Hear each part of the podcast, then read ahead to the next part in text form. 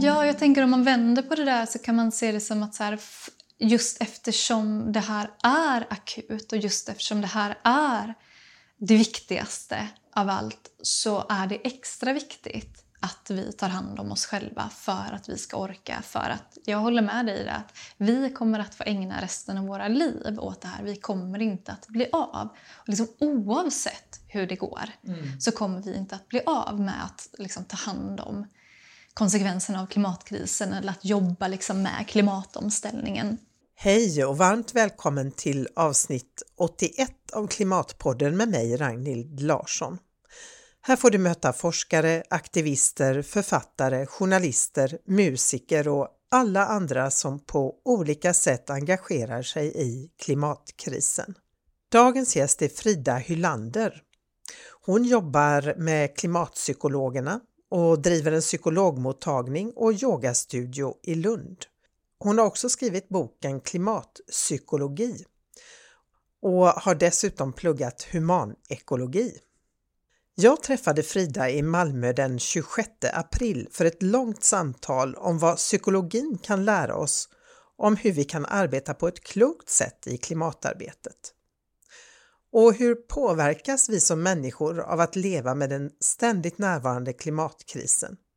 Hur är det egentligen att vara engagerad i en så stor och komplex fråga som klimatfrågan? Och hur kan man göra det på ett så hållbart och effektivt sätt som möjligt? Den här sommaren har klimatkrisen blivit än mer akut och oroande. Det går inte längre att blunda. I samhället Lytton i Kanada tog det 15 minuter från att ett par invånare kände brandlukt tills att deras hus brunnit ner till grunden. De apokalyptiska rubrikerna har avlöst varandra. Bränder, översvämningar som har spolat bort hela byar, torka och extrema värmeböljor har drabbat platser över hela jorden. Och nyligen kom nyheten om att den livsviktiga Golfströmmen som för värme till Nordeuropa har saktat in och nu är svagare än på 1600 år enligt ny forskning. Hela systemet visar oroande tecken på störningar som sätts i samband med det allt varmare klimatet. Men en kollaps av eh, Golfströmmen skulle betyda svår kyla i norra Europa. Greta Thunberg skriver vad krävs för att våra ledare ska agera? Och svarar Ja, det krävs många saker, men framför allt krävs det ett massivt tryck från media och från vanliga människor. Jag håller helt med Greta och är övertygad om att våra politiker inte kommer att agera om de inte känner ett massivt tryck underifrån. Det är därför jag har engagerat mig i klimatrörelsen Extinction Rebellion som ju använder fredlig civil olydnad som metod. Och det är därför jag tänker åka till Oslo i slutet av augusti för att delta i Nordic Rebellion för att protestera mot att den norska staten fortsätter att borra efter olja i Arktis och bland annat har delat ut nya oljelicenser till svenska Lundin Energy. Du är förstås också väldigt välkommen att följa med. Alla är välkomna och alla behövs och mer information hittar du på Extinction Rebellion Sveriges Facebook-sida. Som du säkert har märkt så är Klimatpodden helt reklamfri och helt fristående. Så om du gillar Klimatpodden och vill stötta arbetet med att göra den så är du eh, väldigt välkommen att sätta in en valfri summa, stor eller liten, på Klimatpoddens eget Swish-konto 123 396 2974. Och till alla er som valt att stötta podden sen sist vill jag förstås rikta ett stort varmt tack. Utan er, ingen podd. Ett annat utmärkt sätt att stötta Klimatpodden är förstås att tipsa din mamma, din kusin, dina syskon, vänner, bekanta och kollegor, ja alla andra att lyssna. Och du är förstås väldigt välkommen att höra av dig med synpunkter och förslag på vem du vill se som gäst i kommande avsnitt. Du kan skriva på Klimatpoddens Facebook-sida eller mejla mig på ragnhild.konvoj.se.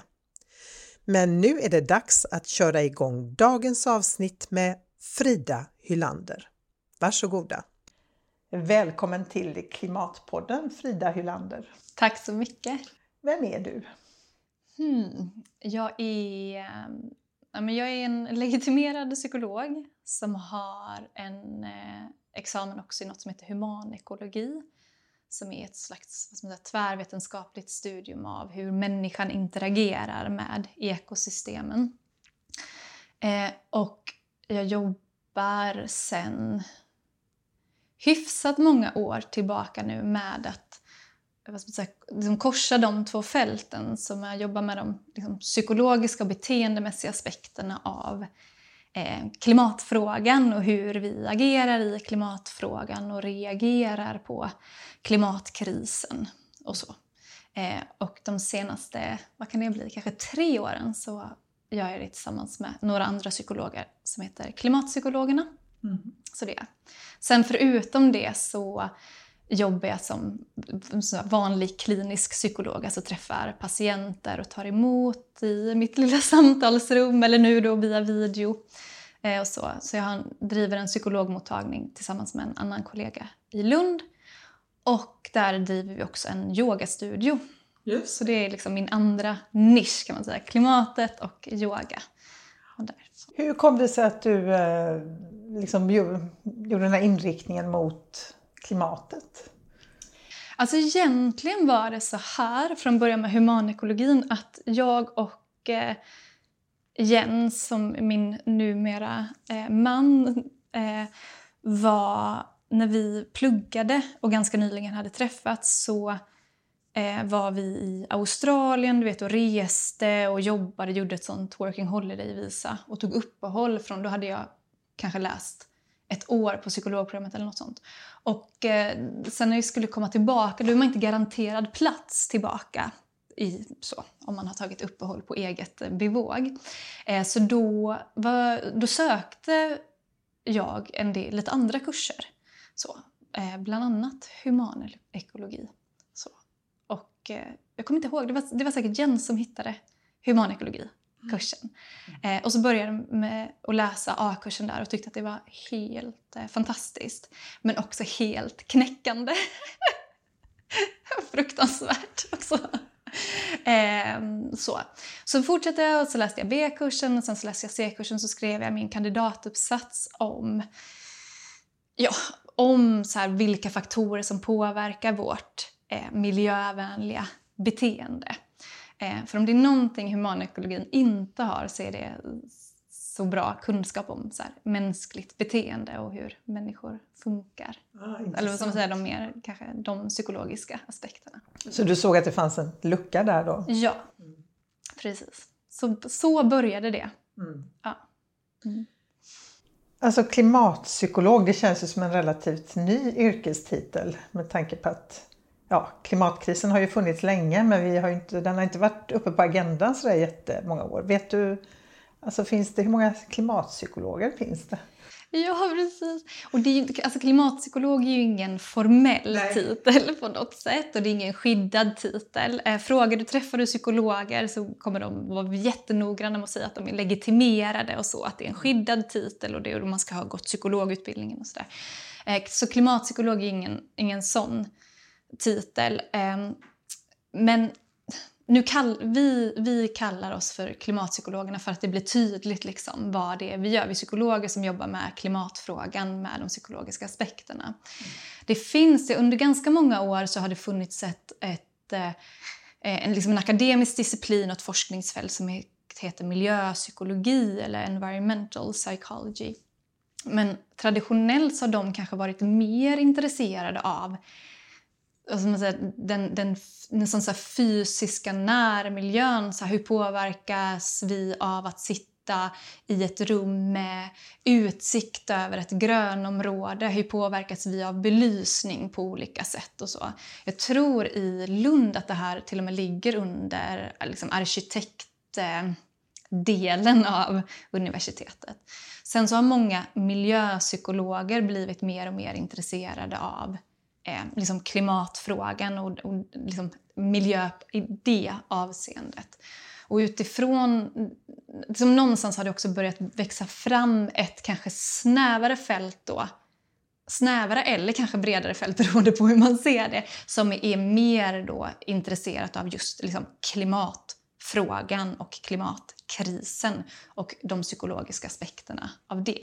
Mm. Men det, det är lite, lite luddigt på ett sätt skulle jag säga. Det finns ingen så jättetydlig akademisk disciplin som, Nej, som handlar om klimatpsykologi och det finns ingen jättetydlig, men det finns eh, en del psykologer här i Sverige och det finns en del psykologer internationellt som, så det finns något som heter Climate Psychology Alliance till exempel och så. Men det är liksom fortfarande ganska löst eh, sammansatt. Mm. Nytt och framväxande. Ja, det kan man ju föreställa sig att behovet kommer att öka. Mm vad gör en klimatpsykolog egentligen? Um, ja, men mycket av det som både jag och mina kollegor gör det är att eh, vara ute och föreläsa. Eller nu föreläser vi ju in i våra skärmar på Zoom eller på Teams eh, om klimatpsykologi och om liksom, de här de här frågorna som folk ofta har. Så här, varför gör vi inte mer? Varför händer det inte mer? Och hur kan vi veta om att det är så här? Illa och ändå så händer inte mer. Så.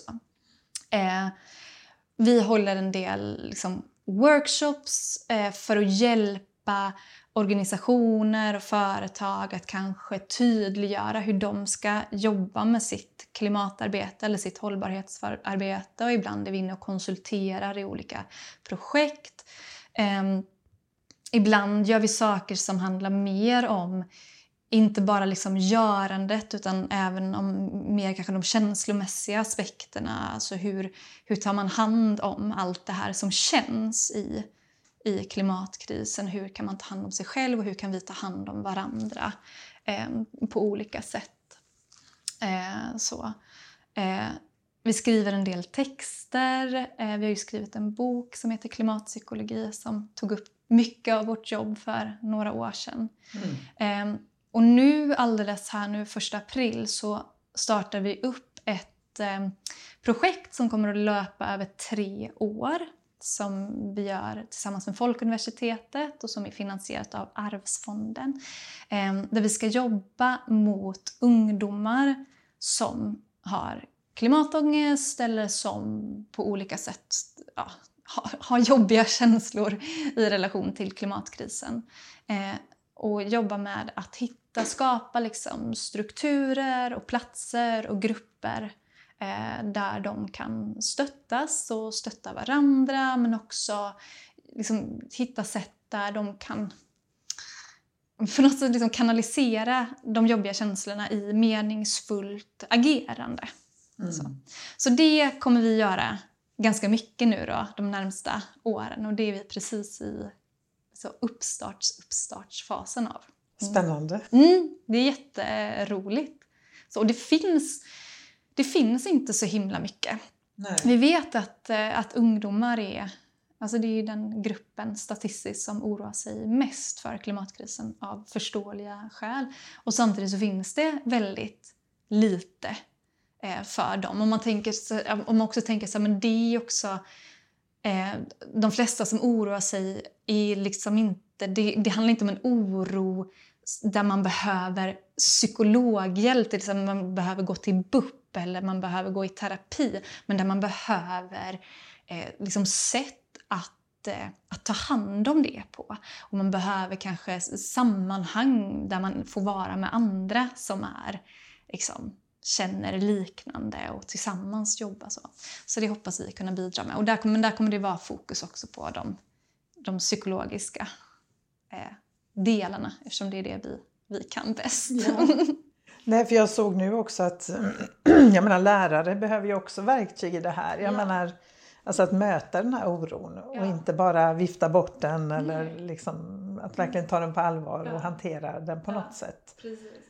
Så det, och det hoppas vi också i det här projektet, om man tänker att lärare blir som en, även om de inte är den vad ska man säga, primära gruppen, är ju de ändå en jätteviktig så att säga, sekundärgrupp eftersom de möter ungdomar hela tiden. Mm. Och känner sig också så helt förståeligt vilse i hur, man ska, hur man ska göra. Ja. Hur man ska ta hand om det där. Vad skulle du säga är det som gör klimatfrågan så, eller klimatkrisen så speciell ur ett psykologiskt perspektiv? Du, jag har tänkt mycket på det där. Eh, inte minst nu under liksom coronakrisen. Att, för på ett sätt så är klimatkrisen speciell eh, och inte, hel jämf- liksom inte helt jämförbar med andra kriser. Och på ett annat sätt så är den inte, eller vad ska man säga, vår, vår reaktion eller vårt agerande i den är inte heller helt unikt om man jämför med hur vi reagerar då i andra kriser. Så. Men någonting som gör klimatkrisen svår, unikt svår, om jag säger så, det är att den är så, den är så enormt allomfattande och den är så komplex. Man brukar säga att det finns komplexa problem men att klimatkrisen är liksom ett superkomplext problem som spänner över hela världen, alla länder, alla delar av liksom, biosfären. Den spänner över alla nivåer i samhället, alla sektorer i samhället. Ehm, så att det, på det sättet tänker jag att den är, är mer komplex än till exempel då coronakrisen som är ett komplext problem men som ändå inte spänner över allt. Nej, det är ganska konkret. Även om vi inte kan se det här viruset så är det ändå liksom, och det blir väldigt konkreta effekter ja. här och nu. Ja. Liksom. Det på ett sätt, även om man håller på att diskutera vilka strategier som är bäst och så, här, så är det ändå ganska konkret vad vi behöver göra. Och vi vet ganska mycket om hur ett virus eh, sprider sig och lever vidare och sådär. Där är det, det är svårare också med klimatkrisen för att det är Dels är vad man säga, konsekvenserna ligger mycket längre bort från våra handlingar. Och det är lurigt för människor. Vi har mycket lättare att reagera om konsekvensen av det jag gör kommer liksom direkt efteråt. Så. Tappar jag någonting på marken så märker jag ju liksom konsekvensen direkt. Eller så tappar jag min kopp på marken och den går sönder så är liksom konsekvensen av mitt beteende jättetydligt. Då lär jag mig att så här, men nästa gång ska jag inte tappa min kaffekopp på marken för då kommer den gå sönder. Så. Eh, samma sak med coronakrisen, där är det också tydligt att så här, men är jag för nära en annan människa när jag är sjuk och smittar den människan så kommer den människan att bli sjuk. Det är, jätte, det är en tydlig liksom, konsekvens. Med klimatkrisen så är det dels mycket längre mellan våra handlingar till konsekvenserna. Eh, och sen är det också så himla... Det är inte en handling vi pratar om utan det är summan av miljontals handlingar över många, många, många år som gemensamt ger upphov till konsekvenser. Och konsekvenser som kan synas i andra delar av världen eh, liksom först. Så, vilket gör det ännu... Så det är massa sådana saker som, som gör det svårare för oss att, att kanske värdera, värdera de faktiska riskerna med klimatkrisen. Vi är, inte så, vi är inte så jäkla bra på riskvärdering. Nej, det verkar inte så. Men vad tror du krävs då för att eh, vi liksom ska på något sätt vakna upp? Jag menar, förvisso så skrivs det mer i media och politikerna pratar något mer om klimatkrisen och det är fler som är engagerade. Jag menar, undersökningar visar ju att det är en av de saker vi svenskar oroar oss mest för. Mm. Men det sker inte så mycket handling. Och då undrar, undrar man ju liksom vad, vad krävs? Tror du? Ja, men jag tror också, om man ska dra någon lärdom också från det senaste året, så tror jag att det spelar jättestor roll vad, vad tidningar och eh, politiker kommunicerar. Vi har aldrig haft en... Alltså om man tänker den kommunikationen som har skett kring coronakrisen är ju, alltså klimatkrisen har ju aldrig varit i närheten av det. Så, med dagliga presskonferenser, vi blir hela tiden uppdaterade på vad som händer. Vi blir hela tiden uppdaterade på hur många som, som har dött, på hur många som har blivit smittade, hur trenderna ser ut i Sverige, hur trenderna ser ut i världen. Det skrivs enormt mycket, alltså det har liksom fyllt nyhetsflödet i princip var, liksom varje nyhetssändning i i snart 14 månader. Mm. Så. Och där vet vi att, att, att vi, det vi hör talas mycket om eh, det, det uppfattar vi ofta som, som viktigare. Så det kallas för tillgänglighetsbias och ett sånt eh, så kognitivt bias som vi, eller som, som en kognitiv eh, eh, liksom tendens som vi människor har så, så liksom får vi intrycket av att det här är väldigt viktigt. Annars hade inte politikerna pratat om det, annars hade inte tidningarna liksom skrivit om det eller eh, tv liksom rapporterat om det. Så.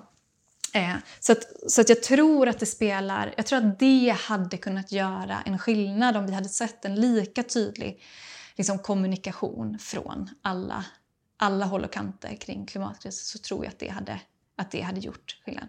Men sen, sen spelar det också roll, vad ska man säga, vad vi uppmanas till att göra. Mm. Så. Och där är det ju på ett sätt lite svårare för att när det gäller, när det gäller coronakrisen så har det som vi uppmanas att göra, jag vill, och jag vill inte säga att det har varit enkelt för det har det verkligen inte varit och jag vet att många människor lider oerhört mycket i den här. Men om man tänker på att, att det är ändå ganska så konkreta handfasta grejer som vi uppmuntras till att göra. Vi ska tvätta händerna och vi ska hålla avstånd och vi ska stanna hemma om vi är sjuka. och så. Det är väldigt tydligt. Så. Men när det gäller klimatkrisen så är kanske det viktigaste vi kan göra något annat än de där små konkreta mm. grejerna. Mm. Så. Eh, och där är det som att det, det har blivit någon slags glapp liksom, i vad vi har blivit in, uppmuntrade till att göra under många års tid och vad vi faktiskt kanske egentligen hade behövt göra för att skapa ordentlig förändring.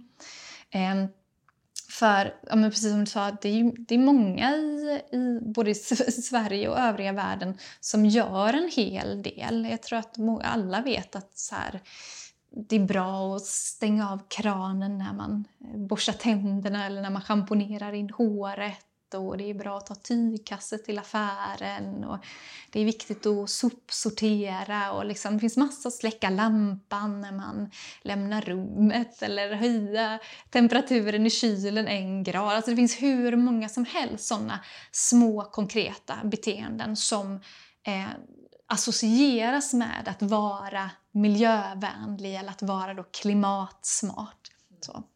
Men eh, de sakerna vet vi nu har en väldigt, väldigt liten effekt på totalen. Mm. Alltså de sakerna kommer inte kompensera för de liksom stora miljöskadliga eller klimatskadliga sakerna som sker.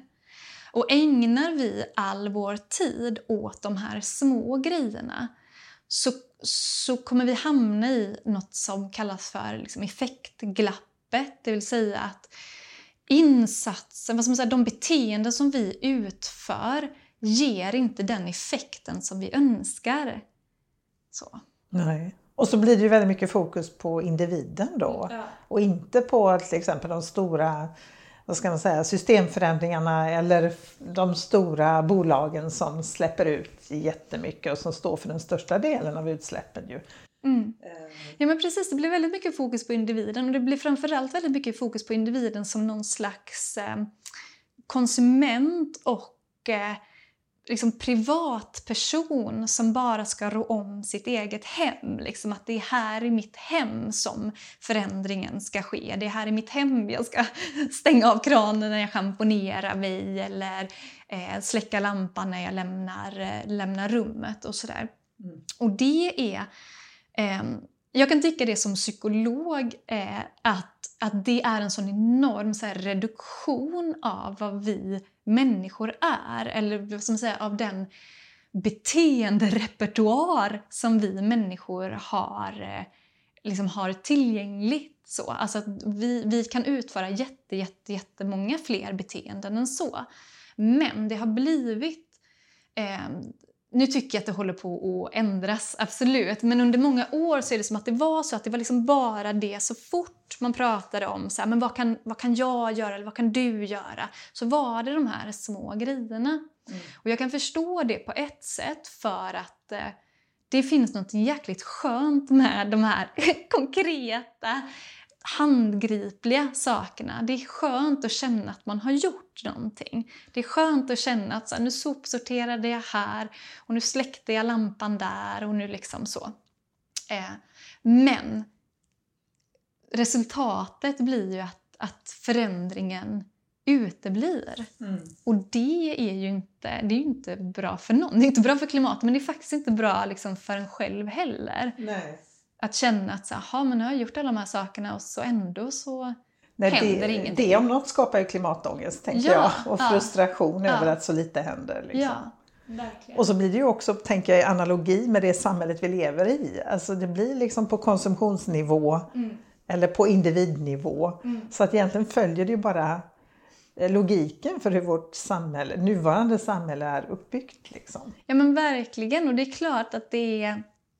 Eller så här, jag tycker liksom att det är svårt att prata om klimatkrisen och klimatfrågan och så varför det inte händer mer utan att ta in kontexten av att, eh, att vi vet att så här, fossilbolagen väldigt systematiskt under väldigt, väldigt många år har bedrivit en väldigt så här, framgångsrik så här, lobbyverksamhet både för att så, här, så tvivel kring om det finns några klimatförändringar eh, men också väldigt effektivt har bidragit till att rikta fokus mot individen och lägga ansvaret på individen Det var ju eh, BP som utvecklade klimatkalkylatorn från första början till exempel. och så. Och hade en så här effektiv marknadsföringskampanj i det där för att liksom rikta strålkastaren bort från sig själva och mot individerna. Mm. Och, och, lite så, ja, men vad, vad, vad ska du göra? Vad är ditt bidrag i det här? Mm. Och det har ju det har fått fäste. Mm. De, har ju varit, de har varit, jätte, de har varit jätteeffektiva. Mm på det. Men jag tror att man behöver ha med sig den kontexten för att förstå också varför vi har hamnat där vi har hamnat. Och också för att förstå att så här, det fortfarande finns väldigt, väldigt starka intressen som inte är intresserade av att göra en ordentlig klimatomställning. Hade vi inte haft de intressena så tror jag att det hade sett annorlunda ut. Hade vi inte haft liksom, den lobbyverksamheten som har riktat liksom, blickarna mot individen och individens ansvar så tror jag också att det hade sett annorlunda ut. Mm. Ja, för som du säger, kunskapen har ju också funnits väldigt länge om egentligen klimatkrisen. Och jag menar, Margaret Thatcher var en av dem till exempel. Mm. Som pratade om hur illa ställt det var. Mm. Och jag tror Gunnar Hökmark höll något tal i EU och sådär om att ja. det här är vår tids största ja. utmaning. Och sen försvann det liksom bara mm. eh, från agendan. Ja, och, och att det, att det liksom där på grund av, och det här kan andra människor mycket bättre än vad jag kan, just att, det har, att, att klimatfrågan också har blivit på det sättet eh, liksom politiserad i att den, att den liksom har liksom identifieras med vissa politiska grupper och då vill de andra politiska grupperna inte ha med det att göra. Så. Nej, det är ju jättemärkligt ja. Eh, egentligen ja. om man tänker på det. Ja, ja för det var, jag vet att jag läste för det är nog ganska länge sedan nu, men jag läste någon artikel, någon som hade grävt lite i eh, vad, vad, konservativa politiker i Sverige hade, liksom, hade sagt om så miljö och det kanske var mer miljö än klimat, för det var liksom så pass länge sedan. Men att, att liksom, eh, konservering av, av miljö och naturvärden och sånt har varit liksom, traditionellt jätteviktigt för eh, liksom, konservativa mm. eh, liksom delar av liksom den politiska skalan. Att det har varit något jätteså viktigt. Men nu, nu har liksom det tappats bort för att klimatfrågan blir så sammankopplad med vad ska man säga, ja, icke-konservativa mm. politiker eller väljare eller så. Och då vill man inte ha med det att göra. Nej, Nej det är jätteintressant. Ja. Eh, vilka känslor har du inför klimatkrisen? Det väcker ju väldigt mycket känslor, tänker jag. Mm. Oh. Jag tycker att för mig genom åren så har det pendlat väldigt, väldigt mycket. Jag tycker att det pendlar fortfarande.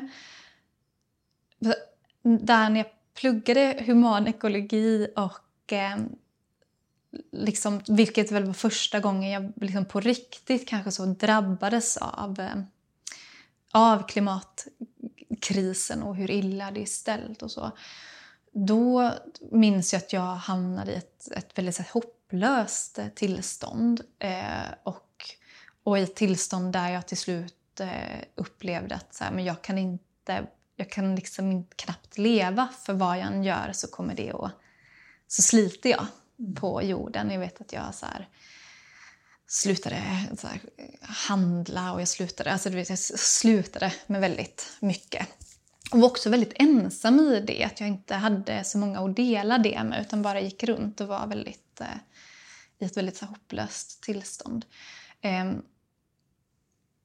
och, och sen så tycker jag liksom sen dess, och jag tror för mig att det har varit viktigt att få, att få jobba med det här för det blir också ett sätt att att få, liksom, att få göra någonting, alltså att inte vara passiv i det här utan att få vara med och bidra på något sätt och att ändå tänka att så här, men jag använder min psykologkompetens för jag tror att den behövs. Det får liksom vara mitt bidrag in i det här.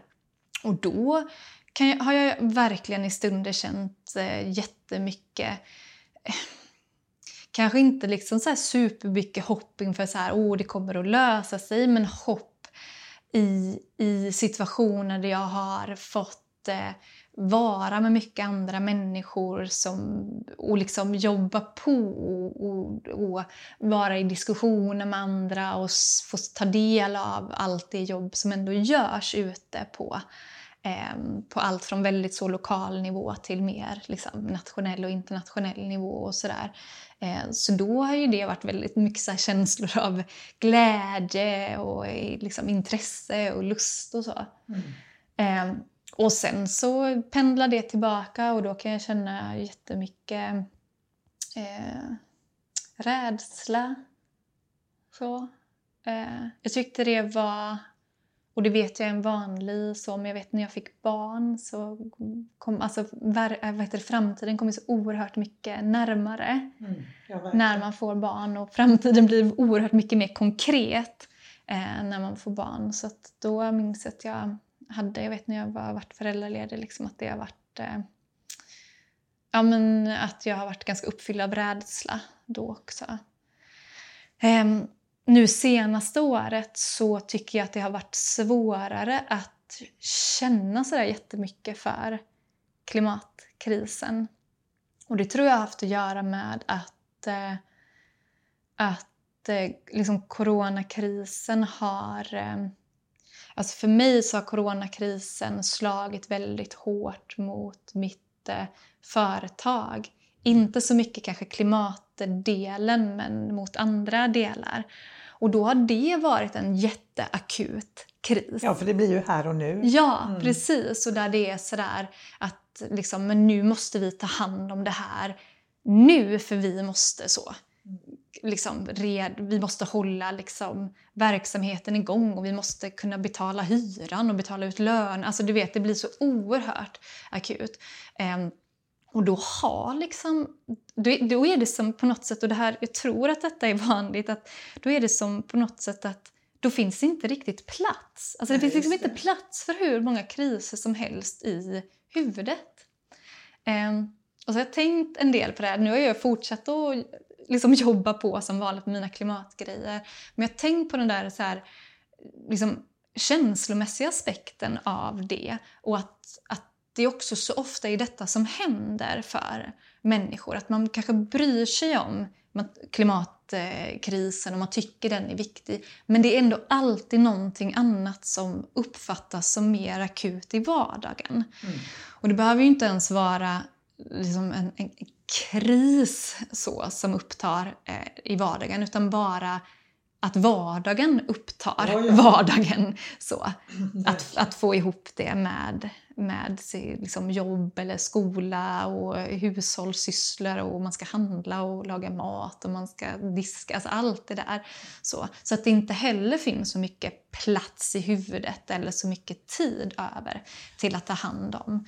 Och på det sättet så tänker jag att så klimatkrisen har en, alltså vi har en tendens att alltid låta den komma sen. Mm. Så, för, att, för att det är så mycket annat som uppfattas som mer akut. Ja, och jag tänker hela vårt samhälle där vi förväntas jobba heltid och alltså vi är ju väldigt fullt upptagna. Ja, ja.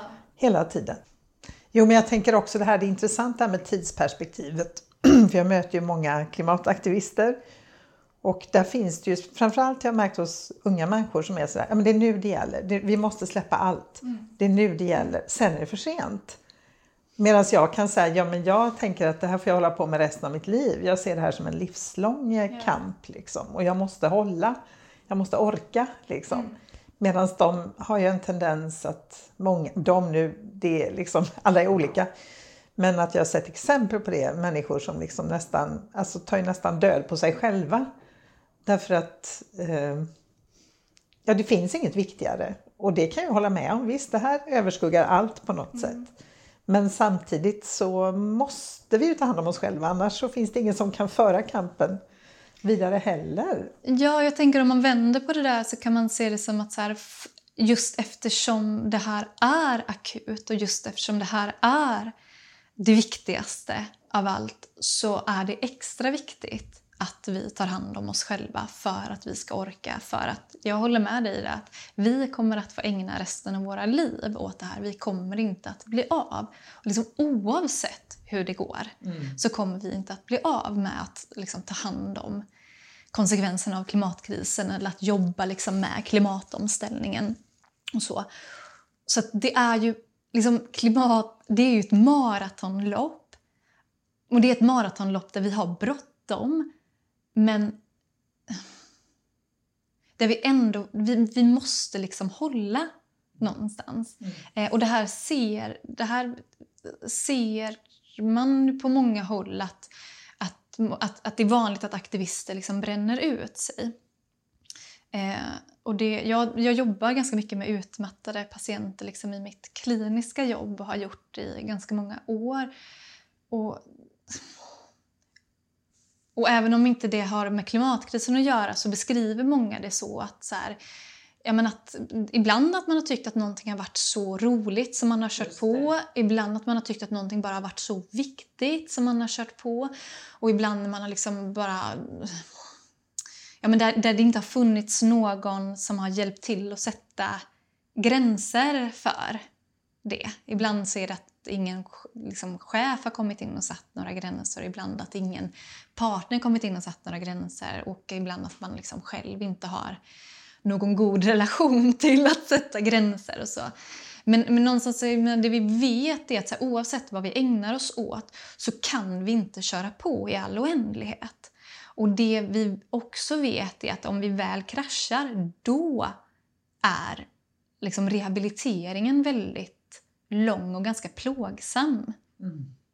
Så. så det är lite så här, okay, men är, det, är, det, är det bättre att springa 100 meter det snabbaste man kan och sen behöva vila i ett halvår?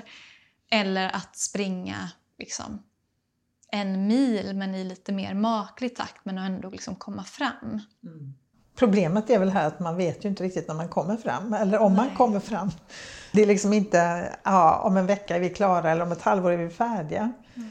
Och så får man väl, men hur tänker du att, hur tar man hand om sig själv då i en sån här situation? Liksom? Hur gör man? Har någon universal lösning? universal, nej precis. Och det är väl det att jag tror att olika människor eh, har olika sätt att ta hand om det. Men generellt så, så kan jag säga så här att alltså, arbete och aktivitet behöver eh, balanseras upp med återhämtning mm. på olika sätt. Eh, och återhämtning eh, kan ju återhämtning kan liksom vara olika saker för olika personer. Eh, men ofta kan man känna i kroppen när man är lugn. Eller i bästa fall, kan, ibland kan man behöva öva ganska mycket på det. För är man van vid att vara igång och bara köra på och bara köra på så kan det också bli att man inte är i kontakt alls med Ja just det, man känner inte man känner, efter. Nej, man känner inte efter man känner till förrän man kraschar. Och då när man blickar tillbaka, då kan man kanske se att oh, herregud, min liksom, kropp har ju sagt ifrån jättelänge här. Så, så att, men men att, att, att lära sig någonstans att lyssna till hur känns det för mig när jag är, när jag är lugn eller när jag är avslappnad. Eh, Så. Och att klura ut så här, men i vilka sammanhang är det. Är det när jag är ute i skogen? Är det när jag är med min familj? Är det när jag är med vissa kompisar? Är det när jag är helt själv? Är det när jag gör någonting som inte har med klimatet, alltså inte påminner mig om klimatet överhuvudtaget? Så. Eller är det när jag tränar eller är det när jag lagar mat eller så, vad kan det vara? Men, men arbete och aktivitet måste balanseras upp med återhämtning. Det är så. Och jag tror att ni skriver i boken också, Klimatpsykologi, det här att det kan vara bra att schemalägga det till och med. Så att det mm. faktiskt blir av. För det är också så när man håller på med något man tycker är väldigt viktigt, att man, ja. det är lätt att skjuta på det tycker jag. Ja, men sen, ja. sen. Och då kan det vara för sent liksom. Ja. Att man väntar så länge liksom ja. med att återhämta sig, att man kraschar då istället. Mm. Att schemalägga sin återhämtning och att verkligen, vilket många gånger kanske kan vara det svåraste, att, så här, att ge sig själv tillåtelse att pausa. För det är också jättesvårt när man, har en, när man liksom lever med en kris som pågår. Hela, klimatkrisen tar ju inte paus. Och man, och man liksom, på något sätt så har klimatkrisen i sig och med sig hela tiden så kan det kännas nästan helt orimligt att ta paus från den. När vi har så bråttom och när vi har så oerhört mycket att göra. Så där kan man verkligen behöva jobba med den nästan så här, liksom självmedkänslan. Att ge sig själv, att, att ge sig själv genuin tillåtelse att pausa. Inte som ett sätt att undvika klimatkrisen utan som ett sätt att kunna fortsätta jobba med den eller jobba för den. Så.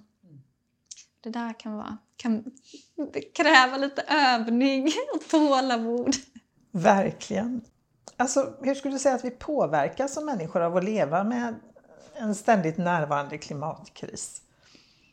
Alltså oavsett om man är klimataktivist eller inte.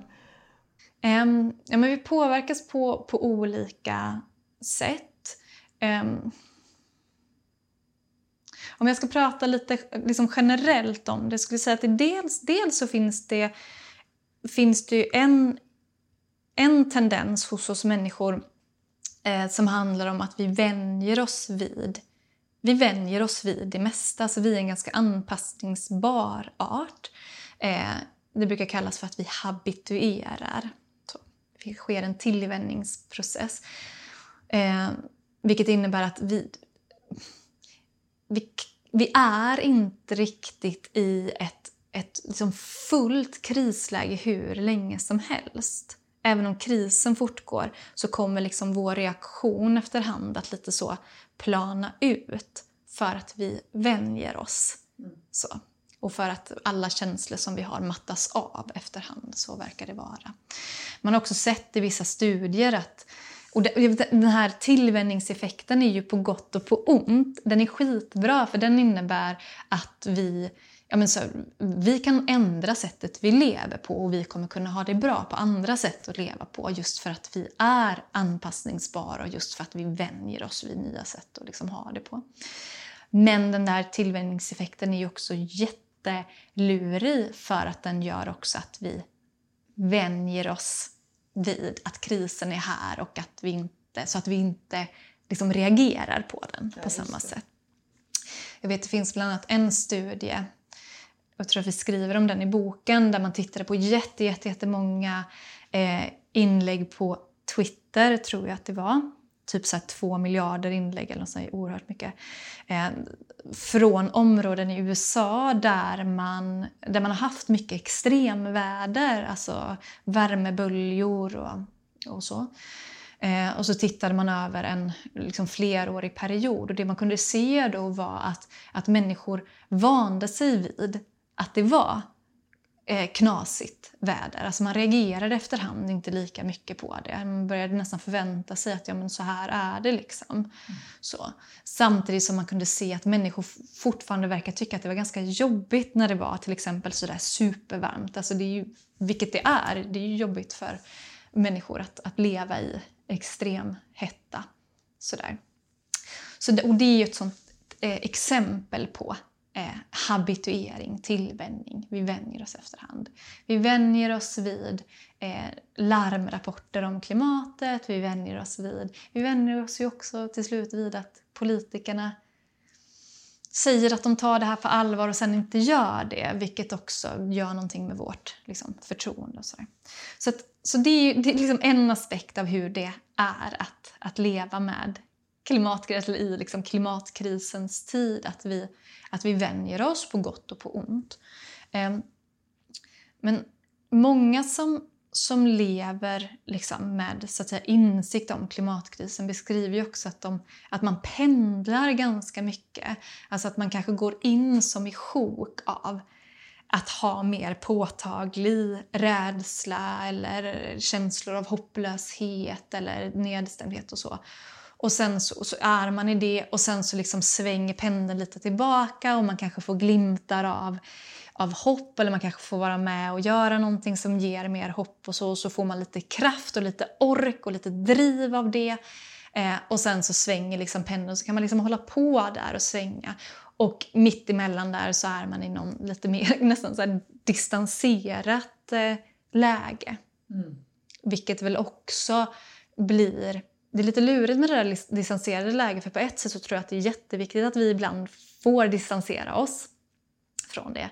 Men vi vet ju också att den där distanseringen, om den pågår för länge eller om den blir för stark så är ju risken också att vi, vi blir eh, eh liksom tappar involveringen och också kanske tappar vårt engagemang i Ja, och så den här eh, märkliga känslan av att leva i två världar. Om man mm. Eh, dels umgås med väldigt engagerade människor då och som agerar och sedan ja. så är man kanske på en arbetsplats där folk pratar om hur de ska resa till Thailand eller något. Ja. och då är det ju väldigt eh, märkligt tycker jag. Alltså det, det skapar en väldigt så här, overklighetskänsla. Ja. Lever vi i samma värld? Och så ibland kan jag nästan få för mig nej men den här klimatkrisen, finns den verkligen? Alltså att det blir så ja. konstigt. Ja. Eh, för jag kan inte se den. Om jag tittar ut här nu så kan jag liksom inte. Det är en vacker vårdag i Malmö. Mm. Solen skiner, lite kallt kanske. Mm. Men, men det är inte så att den går att ta på på det sättet. Nej. Uh, ja. Är det där jättekonstigt? Det jag kan verkligen... Alltså jag har ju vissa så kompisar och så som jag aldrig pratar om klimatkrisen med. Nej. Det, det liksom finns inte och då vet ju alla såklart vad du att jag, gör. Ja, vad jag gör! Och alla vet. Och jag tror också att många undviker mm. att säga en hel del saker. Mm. Man pratar inte med mig om, om att man ska ut och flyga. Ja, just det. Jag har faktiskt varit med om att folk ber mig om ursäkt. Och det är också ja. jättekonstigt. Alltså, säg inte förlåt till mig. Nej men precis, eller att man liksom så här, nej men vi har ju, fast vi kör inte så mycket nu och nej vi försöker låta bilen stå, alltså du vet helt opåkallat så. Ja. ja. Vilket är, ja, men jag tänker så på tal om skam, jag får jätteofta den här frågan, så här, är skam bra, är skam inte bra, ska vi skamma folk eller inte? Och då brukar jag säga så här, att ja, men skam, skam uppstår när man uppfattar att man liksom agerar fel eller gör skam eller kanske snarare skuld liksom uppstår när man uppfattar att man agerar fel. Mm. Vi behöver inte oroa oss så mycket för det, för det, det kommer liksom att ske så som det, det då uppenbarligen gör hos våra, hos våra vänner när de börjar be om ursäkt fastän vi kanske inte har sagt någonting alls. Så, för att skam och skuld uppstår mm. oavsett. Så. Mm. Ja, hur stor roll spelar de här normerna tänker jag för hur vi beter oss? Jag vet att eh, Maja Rosén som driver eh, Flygfritt mm. och Vi stannar på marken. Mm. Hon brukar ju ställa frågan, skulle du flyga om ingen annan i din omgivning mm. gjorde det? Mm. Jo men normer spelar stor roll för hur vi, hur vi agerar och hur vi beter oss. Eh, och normer, alltså socialt tryck är ett oerhört eh, effektivt eh, verktyg för beteendeförändring. Liksom på gott och på ont. Mm. Så att säga. Men jag tror att man behöver komma ihåg, för ibland så ser jag också att man pratar om att ah, vi måste ändra normerna. Och så blir man lite för generell i det. Att man tänker att ja, men om vi bara får tillräckligt många så kommer liksom normerna att skifta över för alla. Jag tror att man behöver komma ihåg när det gäller normer att de också handlar om... Vi har liksom inte bara en norm. Om vi, om vi håller oss till Sverige för enkelhetens skull så har vi liksom inte en social norm i Sverige när det gäller flygning till exempel eller när det gäller vad som helst. Utan vi har ju en massa olika normer. Jag tänker att alla människor eh, Ja, men bara som vi pratade nu nyss om våra, så här, liksom ens kompisar. Att det, det, finns ju olika, uppenbarligen då, olika sociala normer i olika kompisgäng. Mm. Det finns kanske andra sociala normer på ens arbetsplats än eh, i ens hemmiljö. Än, när man är kanske med sin familj eller släkt så råder där ytterligare andra sociala normer.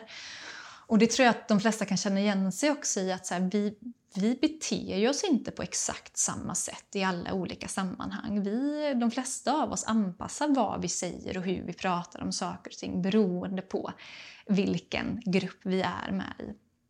Så, så det får vi också komma ihåg när man pratar om liksom så att ändra sociala normer. Att, att de, de är som mest liksom effektiva när det handlar om liksom att, att de människor som vi känner stark tillhörighet till eller de människor som vi identifierar oss med eller som vi vill vara som eller vill vara med liksom, i gruppen med. Liksom, där spelar det stor roll om liksom, de människorna slutar flyga eller blir klimataktivister eller så. Men men för en, eh, vad vet jag, en Sverigedemokrat kommer ju inte bli påverkad av om 100% av miljöpartisterna slutar att flyga. Tvärtom förmodligen. Tvärtom, ja, men för det ska vi också komma ihåg med sociala normer att samtidigt som de dels styr liksom att vi vill vara som de andra då, som vi gillar och som vi identifierar oss med och som vi kanske ser upp till. Lika mycket vill vi liksom distansera oss från dem vi inte vill identifiera oss med. Så. Mm. Mm. Det där såg man ju jättetydligt tycker jag under nu om det var det 2018-2019 när begreppet flygskam var väldigt så lite inne. Alla pratade om flygskam. Att då var det ju vissa eh, politiker eh, som snarare ville liksom stoltsera med hur mycket de flög. Som ett sätt såklart att, att distansera sig från eh, flygskamsrörelsen. Eller liksom Just det, jag vill inte identifiera vill, mig nej, med dem. Precis, och jag vill att ni alla ska veta att jag inte är en del av det. Och då bildas ju en annan social norm där. Mm. Så att sociala normer är jätteviktiga eh, och det är jätteeffektivt, men det är inte så enkelt att vi kan säga så här, men vi måste bara ändra de sociala normerna som att det fanns en, liksom en. och att alla följde den. Nej, det hade ju varit eh, enkelt och bra. Mm. eh, jo, men jag tänkte också på det här, vi, prat, vi pratade om det här med att vi lägger mycket på individnivå och att vi ska ändra vårt beteende och sådär. Jag menar, någonting som ni pekar på ganska mycket i boken är ju att en lösning är att Ja, både för att nå framgång men också för att må bra själv, det är att agera tillsammans med andra. Mm. Kan du utveckla det lite? Ja, men det där har man, har man sett både liksom när det gäller att, att ta hand om det som känns, att det generellt är hjälpsamt att få, att få vara med andra och få vara med andra som har kanske liksom en liknande upplevelse eller en liknande, eh, liknande önskningar om, om liksom att, att agera framåt och så. Och, och det skulle jag säga inte är unikt för klimatkrisen utan så är det ju liksom generellt om vi är i ett, en jobbig situation att vi är hjälpta av att få vara bland andra där vi kan få stöd och där vi kan få liksom, prata och dela med oss och liksom, hjälpas åt och känna, liksom, att man kan känna sig hållen av det. Och så där. Vi är generellt inte så gjorda för att vara ensamma i kris. Vi mår inte bra av det. Vi, människan är inte ett ensamdjur. Mm. Så. Eh, så dels liksom den grejen. Men, men sen så är det så att, att, att sannolikheten att skapa förändring ökar om vi agerar gemensamt. Eh, det är inte heller unikt för klimatkrisen. Alltså om vi tittar tillbaka på så stora liksom, historiska samhällsförändringar så har ju många av dem kommit till stånd för att väldigt, väldigt många människor har gått samman och gemensamt tryckt på för förändring eh, under, liksom, så enträget under lång tid. Och då har liksom, förändring kommit till stånd. Så det är ju också, jag tänker ofta på det när man pratar om, liksom om Greta Thunberg och hennes, eh, hennes liksom, gärning eller liksom sättet hon har påverkat på. Och där man, gärna, man älskar ju lite i, i, eh, i den här samtiden att, att hitta liksom, individer som man pekar ut som, som hjältar.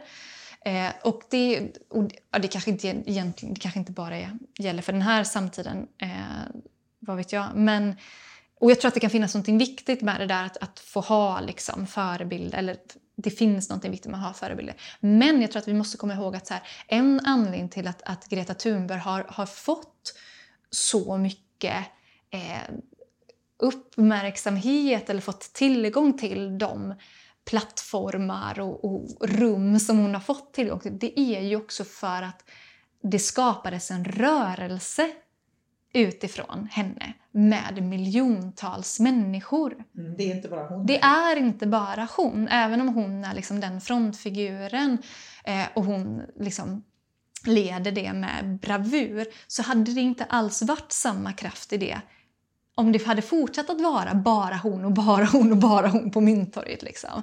Utan det är ju också för att det skapades en massa av människor. Det är då liksom det blir ordentlig kraft mm. i det.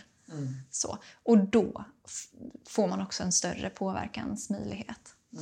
Mm. Um, men där, där finns det också någonting med det här att det är väldigt mycket fokus på individen och det är ju väldigt mycket fokus på individen överlag liksom i vårt samhälle. Det är ju, Sverige är ett enormt individualiserat eh, samhälle. Och, och det, gör, det gör till slut att vi inte Alltså, det, är ingen, det är inte en självklarhet att alla vet liksom hur man gör för att arbeta tillsammans eller Nej. för att organisera sig. Och Jag tror vi glömmer det. Jag tänker på det ganska ofta, jag som har småbarn. Eh, att, att där är det så tydligt att så här, för barn så är, så är vi så oerhört uppmärksamma på att man ska öva, man ska öva, man ska öva på hur man är en bra kompis, och man ska öva på att samarbeta, man ska öva på att ta den andres perspektiv. Alltså man övar jättemycket på det där och förskolan är liksom fantastiska på det där. Men sen så är det som att vi glömmer bort det och tänker att, att vi vuxna inte behöver öva på det utan att vi liksom bara ska kunna alla de här sakerna mm. automatiskt. Men många av oss vuxna eller unga vuxna så har, har faktiskt inte fått öva så där jättemycket på att organisera sig och att jobba tillsammans och att jobba gemensamt mot liksom ett mer långsiktigt mål. och så. Däremot har vi alla övat supermycket på att vara konsumenter. Just det, alltså, det är vi bra på. Det är vi jättebra på. Och jag tror, också att det, jag tror att det också är en anledning till att man liksom hemfaller till de där konsumentbeteendena för att det är också lite hemvant. Mm. Alla vet hur man gör för att köpa en vara eller för att liksom Ja, och det är som att vi har glömt vår historia lite grann. Jag menar, jag som är uppvuxen på 60 och 70-talet, det är det precis som att Ja men då gick all, allting blev bara bättre och bättre mm. och folkhemmet fanns redan och liksom folk, ja, så att det, den där kampen fanns ju inte närvarande i min eh, vardag eller min Nej. uppväxt. Liksom. Eller jag var inte med när kvinnor fick sin rösträtt. Eller liksom. Så det känns som att vi har, vi har glömt det. Vi har mm. fått det lite för bra på något sätt. Eller glömt bort hur fick vi, hur blev samhället på det här sättet? Ja. Verkligen. Och det gör ju också, och det återigen med den här habitueringen, att vi vänjer oss vid det som vi har på något sätt. Och då, då finns också den risken att vi börjar ta det för givet. Att mm. vi tänker, men de här rättigheterna har vi, de har väl alltid funnits här, de kommer väl alltid finnas här. Mm. Och så märker vi, i, och inte minst i, i kristider eller så, att vi inte alls ska ta allt för givet. Utan att de rättigheter som folk har kämpat för, de kan ganska snabbt försvinna. Eh, försvinna. Ja.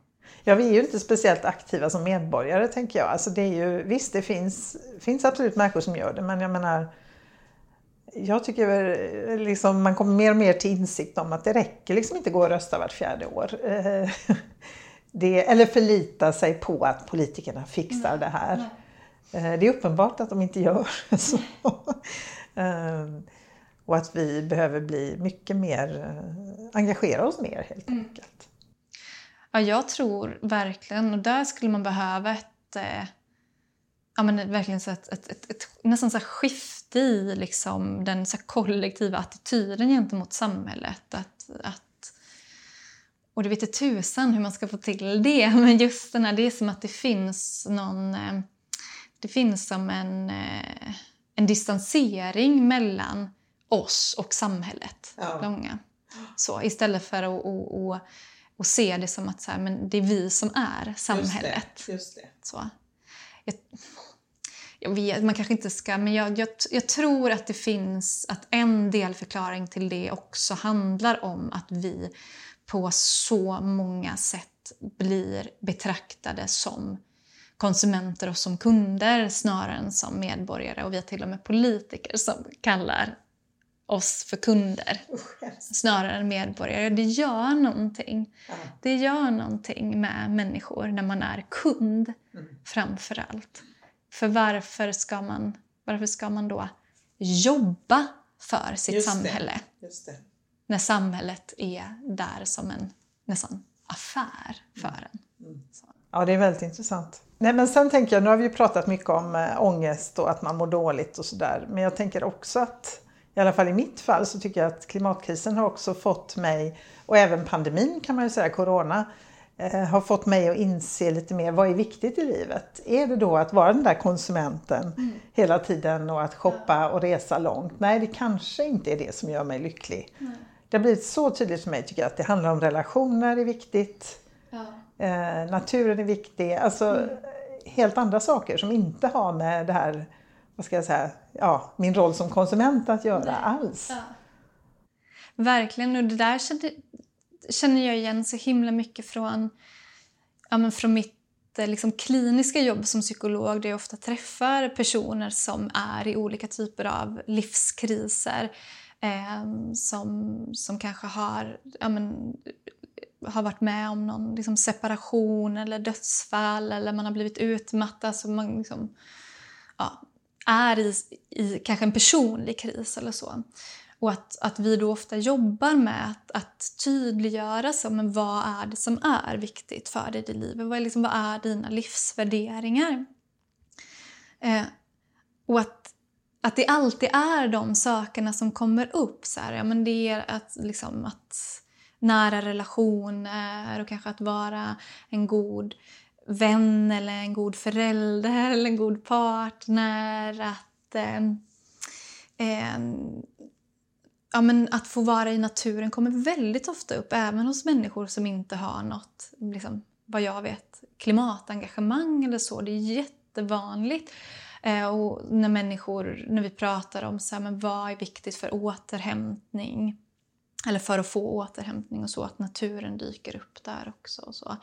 Eh, jag har liksom aldrig hört någon säga eh, liksom i det värderingsjobbet att det är viktigt att, vad vet jag, köpa den här få prylen, få shoppa Nej. eller få liksom... Mm.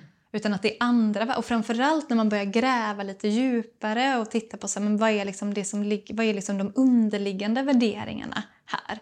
Men då är det nästan alltid saker som har med med relationer och med liksom möjligheten till kanske så egen utveckling och till kanske att leva något slags hälsosamt, lugnt men hälsosamt liv och sådär. Alltså inte alls materiella grejer överhuvudtaget. Nej. Så. Så det, och det som, det som vi gör liksom i det kliniska jobbet, det handlar ju om att, då, att tydliggöra det för att sen låta det vara som någon slags kompass för en. Så att man sen kan fortsätta leva liksom i riktning mot det även om, li, liksom, även om man stöter på hinder. Det vill säga att leva efter de där livsvärderingarna handlar inte om att så här, undvika allting som är jobbigt eller att så här, ta den enkla vägen. Utan det handlar om att, så här, att, att fortsätta liksom gå i den riktningen trots att det många gånger kan vara jobbigt. Och så tänker jag att det också är för många, för, liksom för många som är engagerade i klimatfrågan. Att, att, att man kan vara ganska driven av det där. Men det här är viktigt och det här är meningsfullt. Det här, jag vill liksom fortsätta göra det trots att det är jobbigt. Liksom. Trots att man stöter på hinder. För det gör man ju när man jobbar med klimatfrågan hela tiden. Så. Och då kan det vara så himla viktigt det där att, att, att liksom ha den där kompassen tydlig mm. för en. Mm. Um. Ja, men just meningsfullhet tror jag är jätteviktigt och det finns väl så undersökningar som visar att vad gör människor lyckliga? Mm. Eller ja, mm. att få människor att må bra så kommer det ganska högt upp det där att meningsfullhet, att göra saker som känns betydelsefulla. Yeah. Och det gör det ju, mm. att engagera sig i klimatet oavsett Sen kan man ju säga ja, kommer jag lyckas eller inte? Men oavsett det tänker jag. Så, uh... Ja, precis. Och jag tror den här frågan så om vi kommer lyckas eller inte, den är, den är lite av en fälla. Mm, verkligen. Jag brukar tänka på det som att, eh, ja, men, om, som att man hade en så här, dödssjuk nära anhörig. Så. Mm. Och att vad man hade gjort då för den personen. Mm. Eh, och att jag tror att många hade varit så här, men då hade jag velat vara hos den personen och jag hade velat liksom fråga den personen vad den behöver och jag hade velat sitta där bredvid och hålla handen och jag hade kanske velat komma med mat. Och jag, men jag hade också kollat upp alla möjliga behandlingsmöjligheter och jag hade försökt läsa på och verkligen sett till så att den personen får den bästa möjliga behandlingen. Alltså så. Men man hade ju inte... Jag tror ingen hade varit så här ja, men tänk om den här personen inte klarar sig, då hade jag ju inte gått dit. Liksom, jag behöver få en garanti för att liksom, personen ska klara sig, annars tänker jag inte lägga ner det jobbet. Nej. Så. Nej men så tänker vi inte. Men så jag tror, jag, tror, att det kan vara bra att förhålla sig till sitt eget klimatengagemang på samma sätt. Att mm. så här, ja, men jag gör detta för att det är viktigt. Jag mm. gör detta för att jag... Liksom, det, här, det här är liksom min så, vad ska man säga, värderade riktning att gå i detta. Sen om vi klarar det eller inte klarar vad är ens att vi klarar ja, det, det eller inte klarar det? Ja, precis. Nej, jag brukar tänka att det är inte så att vi ramlar ner för ett stup vid en viss tidpunkt. Nej. Och sen är allting kört. Nej. Så nej, det är ju väldigt viktigt. Jag kommer ihåg att jag frågade den frågan när jag eh, pluggade humanekologi där för eh, ja, drygt tio år sedan är väl det nu. Så här, den här, så här, är det för sent? Och då sa eh, min lärare så här, men, men vad menar du med för sent? Ja, för vissa arter så är det redan för sent. Vissa arter har redan liksom utrotats på grund av ett förändrat klimat. För dem är det för sent, men för de, de här sakerna är det inte för sent. Nej. Så det är inte heller... Vad ska man säga? Ja, vissa saker har vi redan vissa, liksom så här, passerat. Eh, men vi har jättemycket kvar. Ja, absolut. Ja. Det är väldigt viktigt att tänka så. Absolut. Eh, ni kom ju också in på er bok det här med att eh, alltså hur mycket ska man eh, Alltså det här med att tala klarspråk och säga som det är och skapa rädsla eller att man blir mm. skrämd. Ja, ni tar upp den här boken eh, Den obeboeliga planeten mm. av David Wallace Wells. Jag har faktiskt inte orkat läsa den. Jag orkade läsa reportaget men sen var det så här, boken ja, orkar jag inte läsa. Alltså jag har läst den för att jag var med på ett eh, ett seminarium med honom, eller vi skulle liksom sitta i samma panel. Så då tänkte jag så här, men nu måste jag läsa den här boken för att eh, ja, för jag skulle var där, medverka där med honom. Eh, men eh, jag undviker också ganska mycket sådana bara skräckböcker och sådär. Det här, ja, det här är, en, eh, det är ju en också återkommande fråga. Så här, hur ska man kommunicera kring klimatet? Ska man bara skrämma folk? Eh, och så. Jag tror återigen, så här, för att ge ett så tråkigt så här, psykologsvar, så här, det beror på. Nej, men jag tror att vi också behöver komma ihåg att olika människor eller olika grupper av människor kommer reagera olika på, på samma typ av kommunikation. Eh, en, en grupp, och där verkar det spela roll Dels så verkar det spela roll hur vi, eller säga, vilken förmåga vi själva har att hantera jobbiga känslor. Det är olika för olika människor. Vissa människor har ganska hög tolerans för att hantera jobbiga nyheter och hantera jobbiga känslor och, och, fixa det ganska bra. Andra människor har ganska låg tolerans för det. Alltså det vill säga att, att ett, ja, det ganska snabbt blir jobbigt och att man inte kanske vet vad man ska göra med de där jobbiga känslorna. Det kommer också spela roll vilken, alltså vilken uppfattning vi har om vad vi kan göra åt problemet. Just det. Finns det någon lösning? Ja. Och vilka, eh, ja, men vilka möjligheter vi har där. Jag vet att det finns eh, åtminstone en studie som vi skriver om i boken där man tittade i, eh, i USA på grupper som engagerade sig i, sin, liksom, i lokalpolitiken och där man kunde se att ja, men det, spel, det var på ett sätt så var det bra att uppfatta klimathotet eh, som nära, det vill säga som någonting som angår mig eller som angår oss. Men för att liksom då agera. Men sen spelade det också jättestor roll att man hade eh, liksom strukturer för att organisera sig. Så. Mm. Eh, för att kunna göra av det där. Så man inte bara lämnas där Nej, den här precis. så att, av att precis, så att de grupper som liksom lite visste hur de skulle göra för att så organisera sig och sen gå till politikerna och trycka på, de gjorde det. Mm. Så det tror jag också vi behöver komma ihåg. Så där kan man väl säga att så här, någonting som inte verkar vara så hjälpsamt, det är att så här, skrämma folk och lämna dem. Nej. Vilket det ju blir när man läser tidningen typ ja. och så kommer så åtta sätt som världen kan gå under på och så läser man det. Ja, eller så blir det det här liksom att man först pratar om då eh, alla de här skräckscenarierna och sen så kommer man in på det individplanet ja. och så kan du liksom köpa en tygkasse ja. och då blir man ju bara, eh, va? Nej men jag, vet, jag blir vansinnig på det där. Och så tror man att det ska vara hjälpsamt. Det är ju inte hjälpsamt för människor att först måla liksom, upp krisen och sen så föreslå en lösning som inte överhuvudtaget är i proportion med problemet. Det är ju som att jag vet inte om någon kommer med världens hjärtesorg till en och så bara vill du ha en godis? Ja. Nej, jag vet inte. Det, och det är också så här, ja, det kanske lindrar lite, lite, lite för stunden men det kommer ju inte att ta hand om Nej. problemet. Nej. Så, att, så jag tror att vi återigen behöver liksom, man behöver liksom tänka ett steg till när man funderar kring så här, men vilka känslor ska vi kommunicera. Det, det, bra att väcka liksom, känslor med sin kommunikation för mm. att liksom, det här med att bara rabbla fakta som inte betyder någonting, det funkar, det funkar inte. Det Då hade vi inte varit där vi är idag. Så, nej. nej.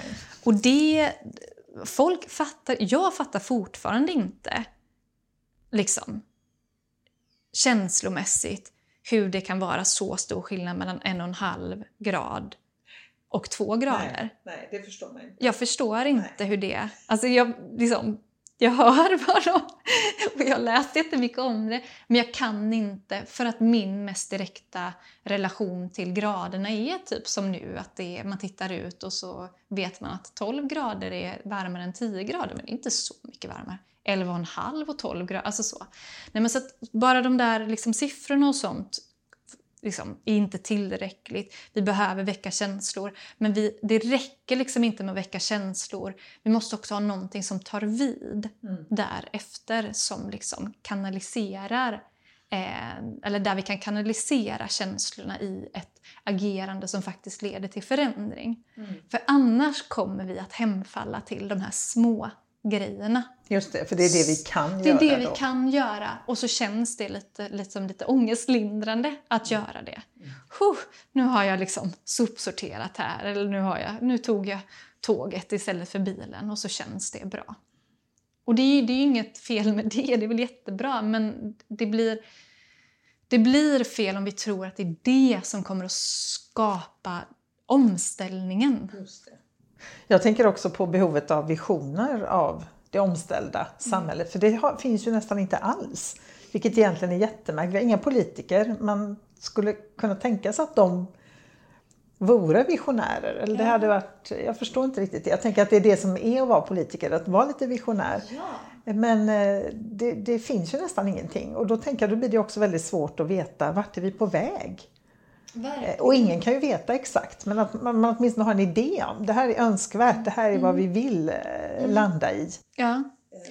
Och det är väl jag tycker att det generellt är väldigt lite visioner från politikernas håll eh, nu. Jag tänker att jag kanske är lite för ung för att, för att, för att ha någon relation till hur det var på eh, Ja, definitivt. 70-talet fanns ju inte jag på. Men jag förstår, men jag, jag har liksom en idé om att det var mer visionärt och kanske mer på ett sätt ideologiskt styrt då i visionerna också. Medan nu är det väldigt mycket ja, jag vet, jag vet inte, jag vet inte tusan hur det är nu. Men det är inte så visionärt. Och det är inte så visionärt inom klimatrörelsen heller. Det är... Och, och det är... Jag tror att det är ett problem. Att det är så. Inom psykologin så pratar vi ibland, ibland om eh, vad ska man säga, liksom frånbeteenden och tillbeteenden. Där frånbeteenden handlar om att göra saker för att liksom komma bort från någonting jobbigt. Så. Är liksom motiverad av att undkomma någonting jobbigt. Medan tillbeteenden handlar om att så här, göra någonting för att komma närmare någonting som är härligt eller fint eller meningsfullt eller önskvärt. Så. Och för att upprätthålla liksom, motivation över lång tid och, men också för att upprätthålla någon slags välmående över lång tid så är det bättre kan man säga att, att ägna sig åt tillbeteenden än att ägna sig åt frånbeteenden.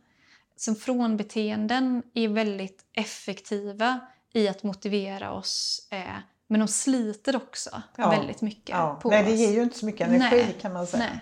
Och där kan man väl se någonstans att det är ju väldigt lätt i klimatarbetet att hamna i frånbeteendena. Eh, både i att hamna i att så här, nu måste vi göra detta för att undkomma krisen, nu måste vi göra detta för att undkomma krisen. Men också att hamna i att, att så att säga sluta beteenden. Vi ska sluta med det, vi ska sluta med det, vi ska sluta med det och så. Och det säger ganska lite om vad vi ska göra. Vi hamnar här också i klimatpsykologerna. Det här får vi kritik för ibland. Det är så ro- vi går verkligen i vår egen... Liksom, vi går i den här fällan som vi skriver om att man inte ska gå, gå i. Så. Eh, och det är väl också... Det, det är svårare någonstans att, eh, att formulera tillbeteendena. Och jag tror också att det är svårt för att vi pratar alldeles för lite om visionerna Ja. framåt. Ehm, Ja, för jag tänker, det, dels handlar det såklart om vad vill vi ha, men också för att eh, kunna förstå vad klimatkrisen innebär för oss och kommer ja. att innebära. Och där tänker jag att, eh, jag menar där spelar ju kultur jättestor roll och romaner, konst. Eh, Jag läste Maja Blå Lunde och där blir det ju verkligen, nej, Maja Blå, Blå.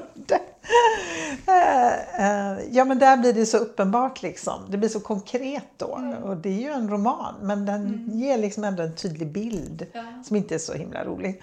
Men, eh, men liksom att också ha de här då positiva bilderna, eller vart strävar vi, vad vill vi? Ja. Och det slår mig nu när du pratar att ja, men det är nog därför jag gör Klimatpodden, för jag vill prata med dem som gör något. alltså jag har ingen längtan efter att göra en podd med en massa klimatskurkar. Eh, nej, det lockar mig inte alls faktiskt. Eh, och det kanske är rent egoistiskt att jag bara känner att jag skulle ha svårt att... Alltså det ger mig kraft och energi att träffa personer som dig som agerar liksom på olika sätt. Ja, men jag tror att det där är jätte... Jag tror verkligen att det där är jätteviktigt. Jag tror, precis som du säger, att, eh, att kulturen spelar en jätteviktig roll i det. Jag är med lite, inte hela tiden för jag hinner inte, men ibland i en, en bokcirkel där vi läser klimatfiktion. Som är den är också en del av ett så här, forsknings, pågående forskningsprojekt på Lunds universitet. Eh, men där är tyvärr är väldigt många av böckerna är dystopier. eh, så här hemska böcker. Men nu läser vi faktiskt en som är, som är mer av en ut, eh, utopi. eh, som heter The Ministry for the Future av Kim Stanley Ah, Robinson. Robbins eller Robinson. Ja. Eh, jag tycker att den är ganska eh, dåligt skriven. är men, ja, men, och den är, jätte, den är typ 600 sidor, den är alldeles Oj. för lång. Liksom, för att det är så sci-fi. Författare älskar att skriva långa böcker. Men det han, det han ändå gör där är att han ändå prövar många idéer Ja, liksom, i ja. då det här eh, fiktiva formatet. Och målar upp liksom, att så här skulle det kunna se ut. Mm. Så här skulle det kunna bli. Och det är inte, det är inte som att det inte finns några problem liksom, i den bilden han eh, målar upp. eller så. Men han, han, liksom, han ändå, jag tänker att där är så litteraturen och eh, film och alltså egentligen alla sådana format är ju ett bra ställe eller bra sätt att liksom pröva Ja, olika idéer och att, att konkretisera dem. Och. Och det sätter igång fantasin hos en själv, tänker jag. Det Ja. behöver inte vara att oh, det är så här det kommer att bli, men att det liksom Nej. skapar ändå Ja. ser möjliga vägar på något sätt. Ja, verkligen. För jag, det är jättesvårt. Jag, vet- ibland i mina, mina lite så sämre stunder så kan jag bli sådär men någon måste bara berätta liksom, hur kommer det att bli. Bara, Mm. kommer, kommer jag kunna få kolla på Netflix? Kommer jag kunna gå och handla? Någon måste Ja. liksom bara berätta liksom, på extremt konkret nivå hur det kommer att se ut. Ja. För att till slut så känns det som att man bara liksom svävar runt i ett intet. Och man, eller man bara springer från den här krisen men man har ingen aning om vad man springer mot. Nej. Och, och jag fattar också att människor då till slut känner att så här, men varför ska jag göra det här? Att man liksom bara hoppar av då för att det blir för jobbigt men också för att det blir för otydligt. Mm. Och det är ju väldigt svårt att föreställa sig något annat än det vi har runt omkring oss. Ja. Eh, och apropå det då så, eh, jag menar det finns ju massa idéer, de här ekonomiska narrativen till exempel. Alltså hur idén om evig tillväxt till exempel. Ehm, och hur vi ser på, hur påverkas vi av de här narrativen när det gäller vilka möjligheter vi har att hantera klimatkrisen. Ja, det är på ett sätt lite svårt att säga. Jag har letat lite efter liksom, forskning på det här men inte hittat något, något bra som verkligen så undersöker liksom, så direkt koppling till eh, olika typer av liksom, ekonomiska narrativ. Eller så. Men om, om, man ska, om man ska fundera på det utifrån liksom, andra vad ska man säga, psykologiska eh, biases eller andra psykologiska tendenser som vi vet gäller generellt för människor så kan man säga så här att, att, att ett ekonomiskt narrativ som har fått ganska så stort fäste i hur vi liksom ser på klimatfrågan och på utformandet av klimatpolicy så är det ju liksom William Nordhaus eh, teorier som han ju belönades med eh, ekonomipriset till Nobels minne, Just heter det, det, väl? Eh, för några år sedan. Eh, och, och i, hans, I hans teorier så, så utgår ju han från att det kommer vara väldigt dyrt att göra en klimatomställning, eller dyrt att så att säga stoppa klimatkrisen. Att det är det ekonomiskt eh, mest framgångsrika att låta världen gå till 3,5 grads Alltså, uppvärmning. Ja. Och han har ju fått supermycket kritik och det är jättemånga som har visat att hans, eh, att hans teorier bara bygger på, um, liksom på felaktiga antaganden och att det är jättemycket saker som han inte tar med i beräkningen. Och så. Men strunt samma. Men jag tänker att den, liksom, de, någonting som har blivit liksom, utifrån det är att klimatfrågan under lång tid har fått en inramning av att vara någonting som är dyrt och som sker på bekostnad av annat. Det vill säga att man har ställt upp som en, en motsättning mellan klimatfrågan å ena sidan och typ övrig välfärd å andra sidan. Eh, och där liksom mycket av den politiska debatten har hamnat i att så här, men vi har inte liksom råd med klimatet nu för först och främst. Och då är vi tillbaka till det här att de andra kriserna alltid är mer akuta. Först måste vi trygga liksom, skolan och vården och eh, allt vad det nu är. Sen kan vi ta hand om klimatet. och det blir på något sätt det blir liksom två felaktigheter i det. Där det ena handlar om att man, att man gör den här separationen. Att man inte liksom att man separerar klimatfrågan som en liksom enskild fråga snarare än att, att se hur den hänger ihop med alla övriga sektorer av samhället. Så. Eh, och att man då tänker att det finns en, en motsättning däremellan. Eh, och den andra, liksom den, den, an, den andra felaktigheten man gör är ju någonstans att man då tänker att, eh, att det kommer vara dyrare att agera för klimat, för att stoppa klimatkrisen än att inte göra det. Så där... Eh, och någonting som triggas igång i oss då eh, är det som brukar kallas för förlustaversion. Det vill säga vår tendens att verkligen inte tycka om att bli av med grejer. Alltså vi gillar inte att behöva offra saker mm. som, vi, som vi tycker om. Då blir vi eh, Eh, mindre benägna att göra förändringar. Och ställer man upp då klimatfrågan som en dyr fråga som, som vi kan ta hand om men bara på bekostnad av skola, och vård och omsorg och andra sånt.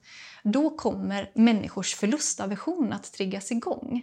För vem vill offra skolan för klimatets skull? Eller vem vill offra liksom vården för klimatets skull? Och vad är det mer som vi inte kommer ha råd med om vi nu ska ta hand om klimatet? Alltså, det, blir liksom, det narrativet blir liksom förgörande på det sättet. Mm.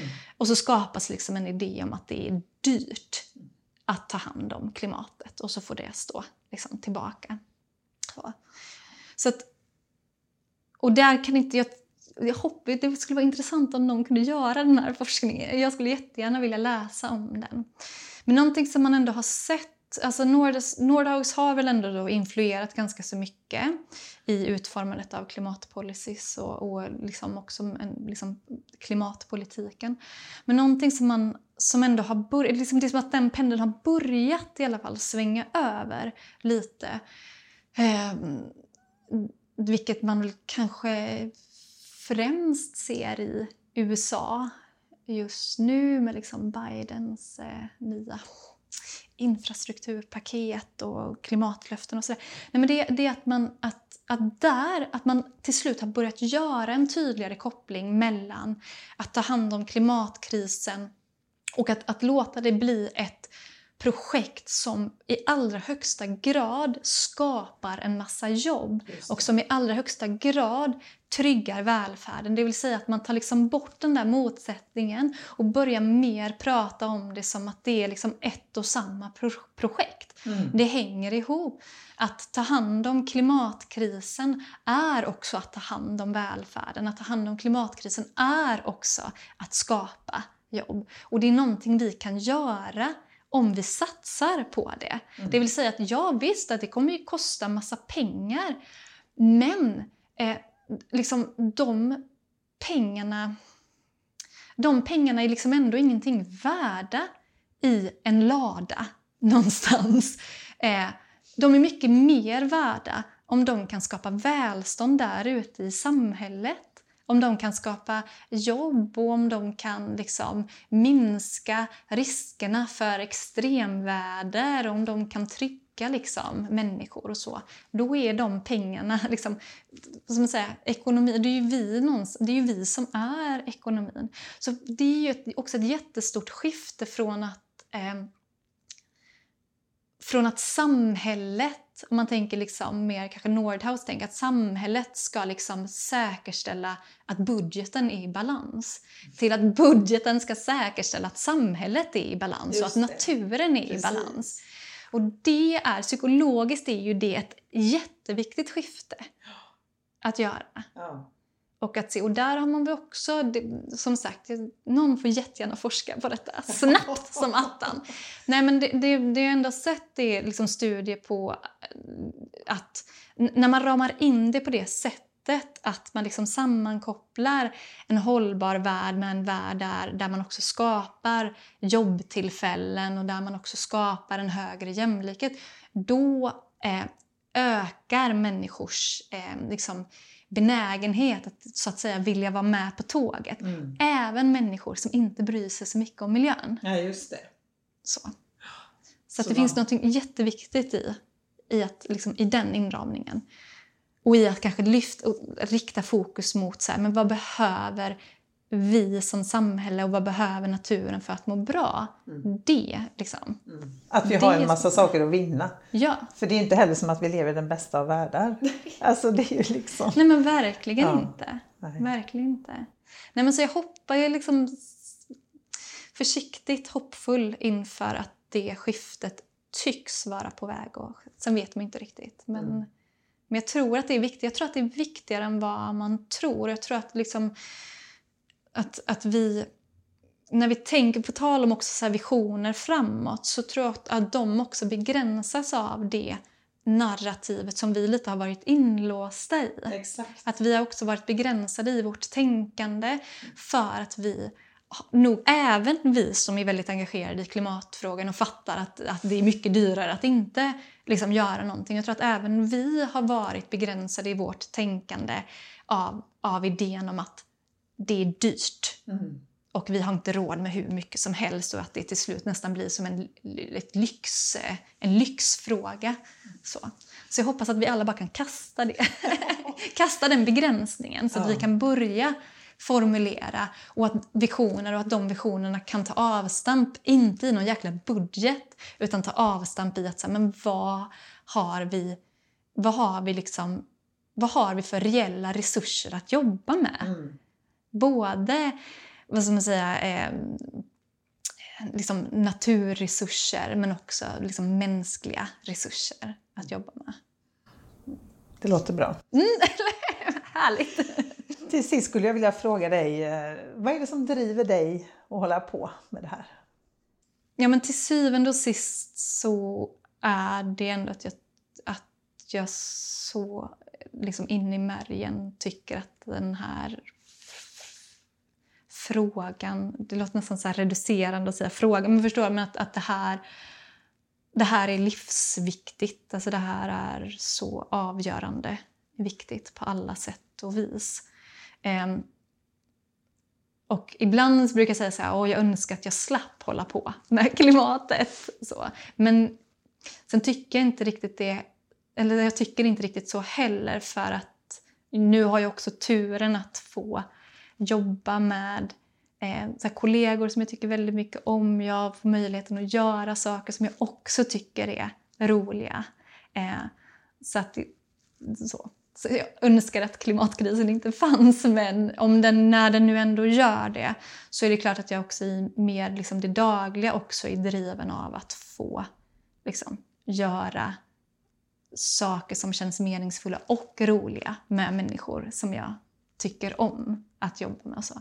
och det tror jag är superviktigt för att vi orkar inte. Ska vi springa det här maratonloppet så kan vi inte bara vara drivna av att det här är en akut fråga. Alltså vi måste ha liksom påfyllnad längs vägen. Tack för att jag fick sitta här och prata med dig i Ja. ditt kök Frida. Tack så jättemycket.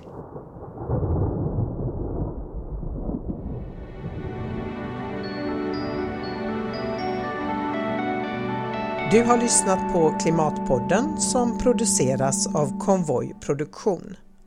Gäst i dagens avsnitt var Frida Hylander. Du hittar mer information om Klimatpodden och dagens avsnitt på hemsidan klimatpodden.se. Klimatpodden finns på alla ställen där poddar finns och du kan följa podden på Twitter och Facebook. Signaturmelodin är skapad av Tommy Kaså och loggan till Klimatpodden är gjord av Hannes Larsson. Om du vill stötta arbetet med att göra podden så är du välkommen att swisha valfri summa till 123 396 2974.